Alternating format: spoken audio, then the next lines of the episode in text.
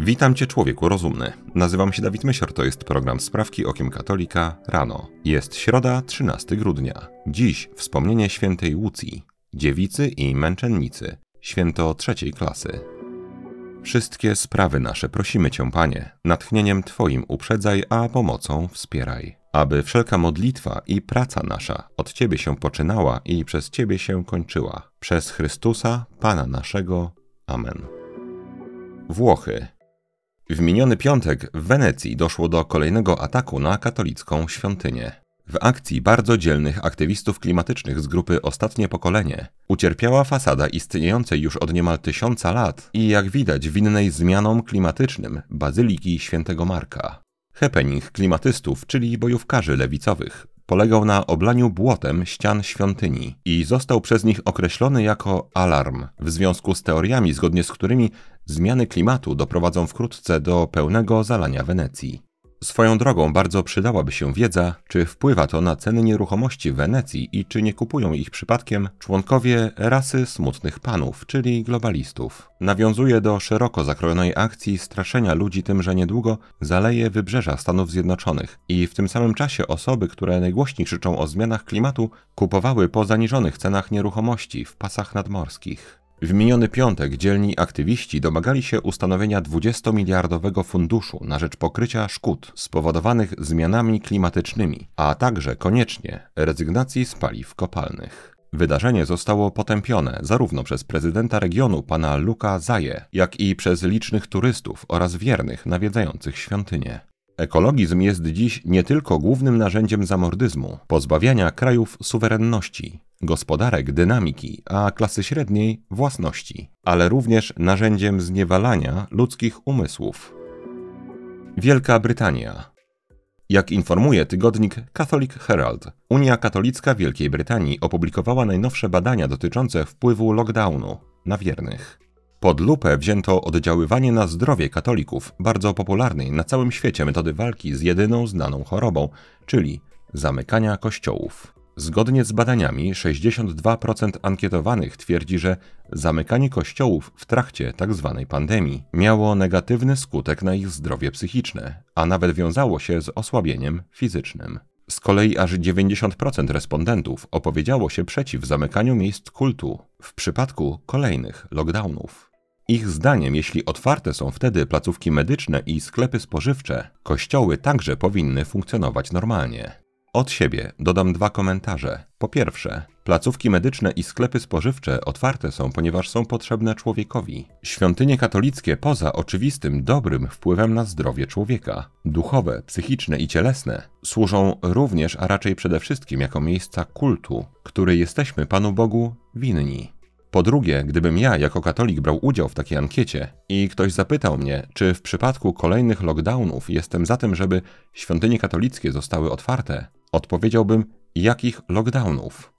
Wracając do wpływu, jaki zamknięcie kościołów miało na kondycję ludzi, przytoczmy jeszcze komentarz baronesy Shirley Hollins, szefowej Unii Katolickiej, która skomentowała badania w sposób następujący. Szczególnie szokujący jest wzrost liczby osób odczuwających samotność lub depresję, będące bezpośrednią konsekwencją zamykania świątyń.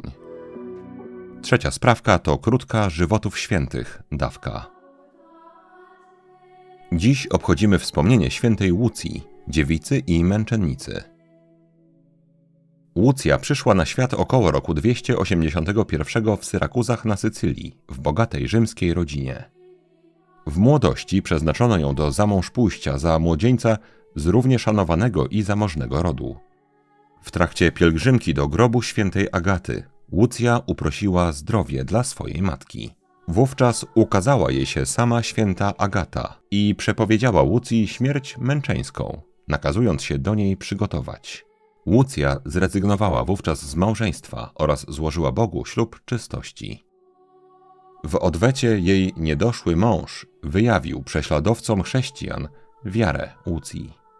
Świętą skazano na liczne tortury – Dodatkowo, by ją pohańbić, próbowano zaprowadzić ją do zamtuzu, czyli domu publicznego, ale nawet para wołów nie była w stanie jej ruszyć.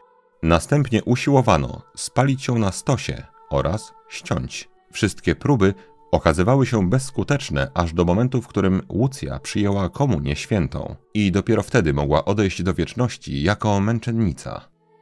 Imię Łucji wymienia się w kanonie mszy świętej. Jest patronką rolników, krawców, tkaczy i ociemniałych.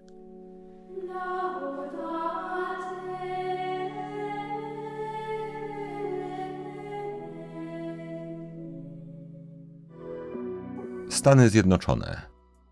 Jak informuje portal Politico.com, amerykański koncern Alphabet, właściciel Google, lobbuje za upowszechnieniem korzystania ze sztucznej inteligencji w zarządzaniu opieką zdrowotną. Pomysł ten wiąże się z najnowszym wynalazkiem Big Techu, czyli oprogramowaniem ułatwiającym lekarzom diagnozę pacjentów za pomocą analizy ich dokumentacji medycznej oraz odpowiednich artykułów naukowych. Google współpracuje już w tym zakresie z koncernem farmaceutycznym Bayer. I dopóki nie przekona do pomysłu rządzących państwami, a zwłaszcza Stanami Zjednoczonymi, będzie musiał ograniczyć się do firm prywatnych. Lobbyści Google dokładają jednak starań, by tak się nie stało.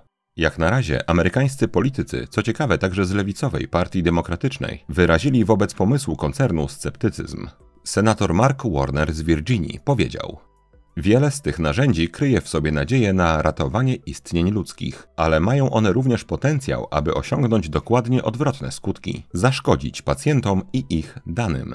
Jak wyjawił już niejednokrotnie jeden z, w cudzysłowie, apostołów globalizmu, czyli pan Harari, według rasy smutnych panów rozpoczyna się teraz era postludzka. Wizja, w której leczenie sprowadza się do wprowadzenia przez pacjenta swoich symptomów do komputera, który w ułamku sekundy postawi diagnozę i zaleci leczenie. Jest obrazkiem bardzo pasującym do chorych snów pana Harari i jego kolegów.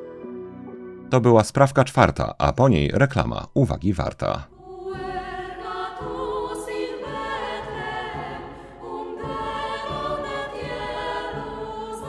Dziś, mój drogi słuchaczu, chciałbym polecić Ci wyjątkową płytę. Puer Natus in Bethlehem. Znajdziesz na niej świąteczne kolendy po polsku i po łacinie, w wykonaniu zespołu muzyki dawnej Lique Szczentes, który specjalizuje się przede wszystkim w śpiewie chorału gregoriańskiego. Kolendy prezentowane na płycie to utwory jedno- i trzygłosowe, pochodzące m.in. z kancjonału Walentego z Brzozowa i Staniąteckiego,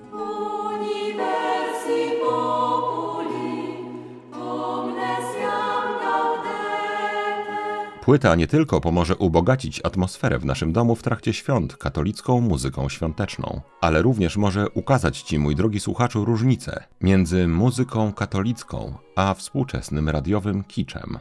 Link z możliwością zakupu tej książki będzie pierwszym linkiem w opisie tego odcinka. Na kod sprawki przysługuje Ci, mój drogi słuchaczu, rabat w wysokości 10%, zarówno na płytę, jak i na wszystkie inne propozycje wydawnictwa Dębogóra. Kod sprawki aktywny będzie do tego piątku włącznie. Należy go wpisać przed złożeniem zamówienia w zakładce Moje konto, moje rabaty. Płyta Puer Natus in Bethlehem może być również dobrym pomysłem na prezent świąteczny.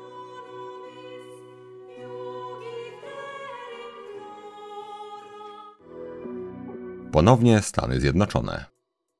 W minionym tygodniu w Sądzie Najwyższym Stanów Zjednoczonych ruszyły prace nad orzeczeniem, które ma szansę zabezpieczyć rodziny przed ideologią wołkizmu. Sąd będzie bowiem rozpatrywał sprawę kalifornijskiej matki, która, uwaga, utraciła prawa do opieki nad córką z powodu swojego sprzeciwu wobec tzw. Tak zmiany płci dziecka. W swoim wniosku do sądu kobieta zarzuciła szkole, do której uczęszcza jej córka, że zamiast pomóc dziecku w stanie depresyjnym, nakłaniano dziewczynkę, by zaangażowała się w szkolny klub LGBTQ oraz próbowano przekonać, że zmiana płci jest receptą na jej problemy. Dziewczynka popełniła później samobójstwo. Choć Kalifornijka przegrała przed sądami stanowymi, jest duża szansa, że odmienny wyrok wyda Sąd Najwyższy. Jeśli tak się stanie, przepisy zezwalające na odbieranie dzieci rodzicom sprzeciwiającym się ideologii LGBTQ i inne literki będą musiały zostać uchylone nie tylko w Kalifornii, ale i w Oregonie, Indianie, Ohio i Illinois, gdzie w różny sposób takie prawo stało się obowiązujące. Myślę, że warto to powtórzyć również w kontekście nowego rządu w Polsce. W USA W Stanach rządzonych przez lewicę, jeżeli twoje dziecko zostanie namówione przez szkołę do rozważenia zmiany płci, a ty się temu sprzeciwiasz, jest duże prawdopodobieństwo, że stracisz prawo do opieki nad własnym dzieckiem, zgodnie z obowiązującym prawem. Zjednoczone Emiraty Arabskie Amerykański miliarder Bill Gates, który aktywnie uczestniczył w zakończonym wczoraj szczycie klimatycznym COP28, w jednym ze swoich przemówień ujawnił zmianę nastawienia do tzw. Tak polityki klimatycznej. Dotychczas orędownicy kataklizmu klimatycznego skupiali swoje siły na straszeniu społeczeństw przerażającymi skutkami globalnego ocieplenia i wymuszali konieczność wprowadzania coraz to dotkliwszych obostrzeń. Tym razem główny przedstawiciel klimatyzmu nawoływał, by ludzie przystosowali się do cieplejszego klimatu planety, a świat i Big Tech powinny skupić się na wynalazkach, które pomogą zaadaptować planetę do nowych warunków. Jedną z metod, która zdaniem pana Gatesa pomoże uratować planetę, jest rozwój technologii umożliwiającej tworzenie genetycznie zmodyfikowanej żywności. A zespół Sprawek Okiem Katolika jest przekonany, że fakt, iż pan Gates ma najwięcej na świecie patentów dotyczących właśnie tej technologii, nie odgrywa tu żadnej roli. Pan Gates zwyczajnie bardzo troszczy się o ciebie i o mnie. Siódma sprawka to krótka katechizmu, dawka. Katechizm według sumy teologicznej świętego Tomasza z Akwinu. Część pierwsza. Bóg, najwyższy byt, źródło i pan wszelkiego istnienia. Punkt 23. Działanie dobrych aniołów na świat cielesny. Czy Bóg posługuje się aniołami w rządzeniu światem cielesnym? Tak, Bóg posługuje się aniołami w rządzeniu światem cielesnym, gdyż ten świat cielesny jest niższy od aniołów, a w uporządkowanym rządzeniu byty niższe są rządzone przez byty wyższe. Do jakiego porządku należą aniołowie zarządzający światem cielesnym? Należą do porządku mocy. Co robią aniołowie, którzy służą do zarządzania światem cielesnym? Aniołowie, którzy służą do zarządzania światem cielesnym, czuwają nad doskonałym wypełnieniem opatrznościowego planu i woli Bożej we wszystkim, co dzieje się pośród różnych bytów składających się na świat cielesny.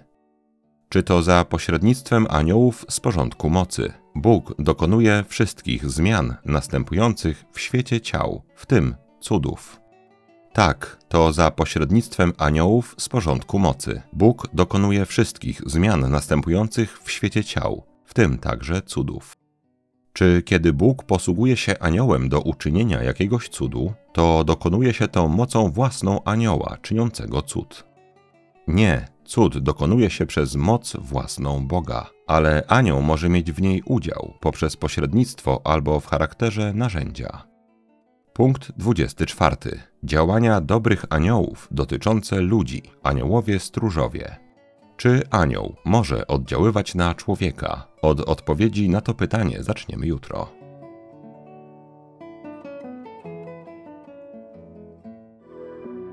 Polska.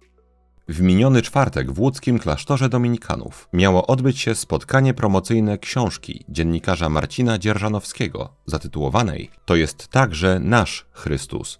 Rozmowy z chrześcijanami LGBT. Za organizację debaty prowadzonej przez liberalnego katolickiego publicystę pana Piotra Żyłkę z udziałem lewicowych aktywistów na rzecz łączenia tzw. Tak homoseksualizmu z katolicyzmem odpowiadał ojciec Maciej Biskup. Duchowny ten zasłynął ze swojego wsparcia dla tęczowych organizacji, między innymi biorąc udział w ekumenicznych spotkaniach nastawionych na promocję ideologii LGBTQ i inne literki. Prowincjał polskich dominikanów ojciec Łukasz Wiśniewski nakazał jednak odwołanie spotkania.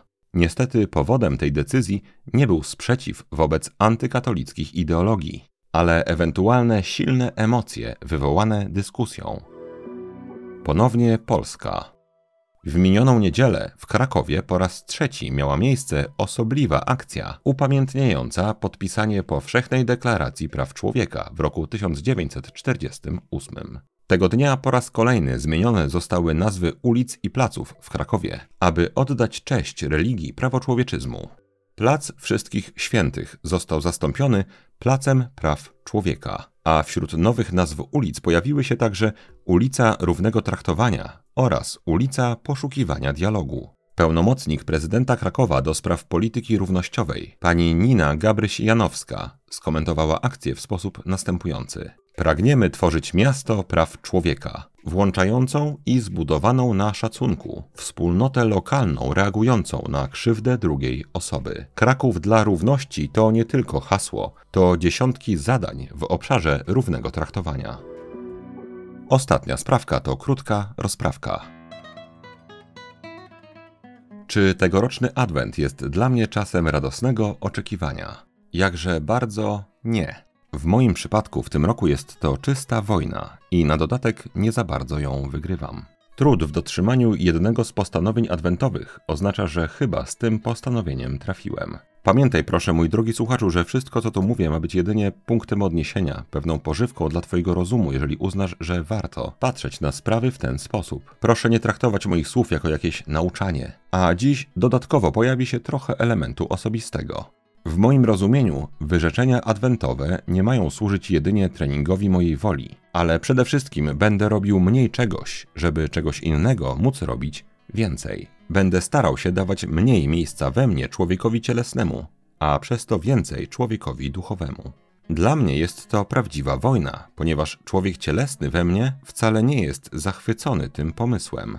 W moim życiu, ale na logikę biorąc w przypadku większości ludzi, główny bój toczy się o popołudnia i wieczory, gdy nasza energia i siła woli, przeznaczone w pewien sposób na dany dzień, zaczynają się wyczerpywać. I w tym roku moje dwa pierwsze postanowienia adwentowe, czyli powstrzymywanie się od alkoholu i słodyczy, to jest w moim przypadku w tym roku pikuś w porównaniu do trzeciego postanowienia, że odzyskam trochę dla Pana Boga swoje wieczory, w których do tej pory, będąc często zmęczony, tak że czuję się, przepraszam, jak warzywo, robiłem coś, co daje mi zawsze pozorny odpoczynek, czyli coś sobie pooglądałem.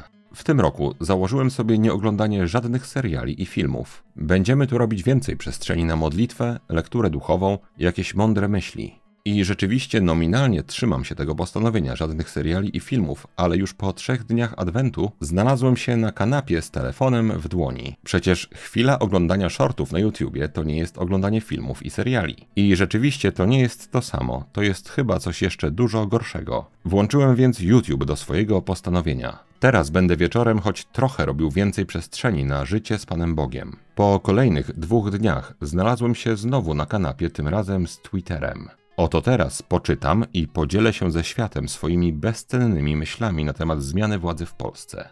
Człowiek cielesny jest we mnie sporo silniejszy niż myślałem, a człowiek duchowy, jak widać, jest za słabo odżywiony, żeby tamtemu narzucić swoją wolę. Dużo by opowiadać, ale oczywiście nie o moją sytuację indywidualną tu chodzi. Jestem ciekaw, mój drogi słuchaczu, czy ty postrzegasz Adwent jako czas radosnego oczekiwania, czy jednak dość intensywny konflikt między człowiekiem cielesnym a człowiekiem duchowym w tobie? I czy podobnie jak w moim przypadku to wyzwanie, by było mniej miejsca dla człowieka cielesnego i więcej dla człowieka duchowego, dotyczy głównie popołudnia i wieczoru? Chcę podkreślić, że w rozprawce tej absolutnie nie było tezy, żeby wieczorem nie odpoczywać. Był to tylko mój indywidualny przypadek, bo ja akurat tutaj widzę u siebie mocną dominację człowieka cielesnego.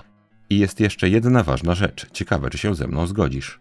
Człowiek może mieć tendencję do tego, że jeżeli przez pierwsze dni Wielkiego Postu czy Adwentu nie do końca mi się udało, e, to już trudno. Za rok będzie lepiej. Tymczasem Adwent trwa. I ja bardzo chcę zrobić wszystko, co mogę, żeby za 11 dni od dzisiaj być choć trochę lepiej przygotowany na Boże Narodzenie, niż jestem w tej chwili. Choćby o 5% lepiej. Maryjo, posłuż się mną dziś jak chcesz. Wykorzystaj mnie jak chcesz. Byle tylko choć jeden grzesznik zszedł z drogi zatracenia, poszedł do spowiedzi świętej i zwrócił się ku Panu Jezusowi. To na dzisiaj wszystkie sprawki okiem katolika rano. Jeżeli chcesz nam pomóc, daj proszę łapkę w górę pod tym filmem na YouTubie i napisz komentarz. Jeżeli chcesz wesprzeć zespół Sprawek Okiem Katolika regularnie na Patronite albo tutaj na YouTubie, czy jednorazowo przez wpłatę najmniejszej chociaż kwoty, to szczegóły jak można to zrobić znajdują się w opisie tego odcinka. Wszystkim bardzo dziękuję. Z radością też informuję, że jest nowy termin mszy świętej, oczywiście tradycyjnej za wszystkich patronów tej pracy. Zostanie ona odprawiona 31 grudnia. Mój drogi słuchaczu, życzę Ci błogosławionego dnia. Święta Łucjo, módl się za nami. Człowieku rozumny, trzymaj się, nie łam się i bardzo Ci dziękuję za Twój czas. Mam nadzieję, że do usłyszenia jutro. Zostań z Panem Bogiem.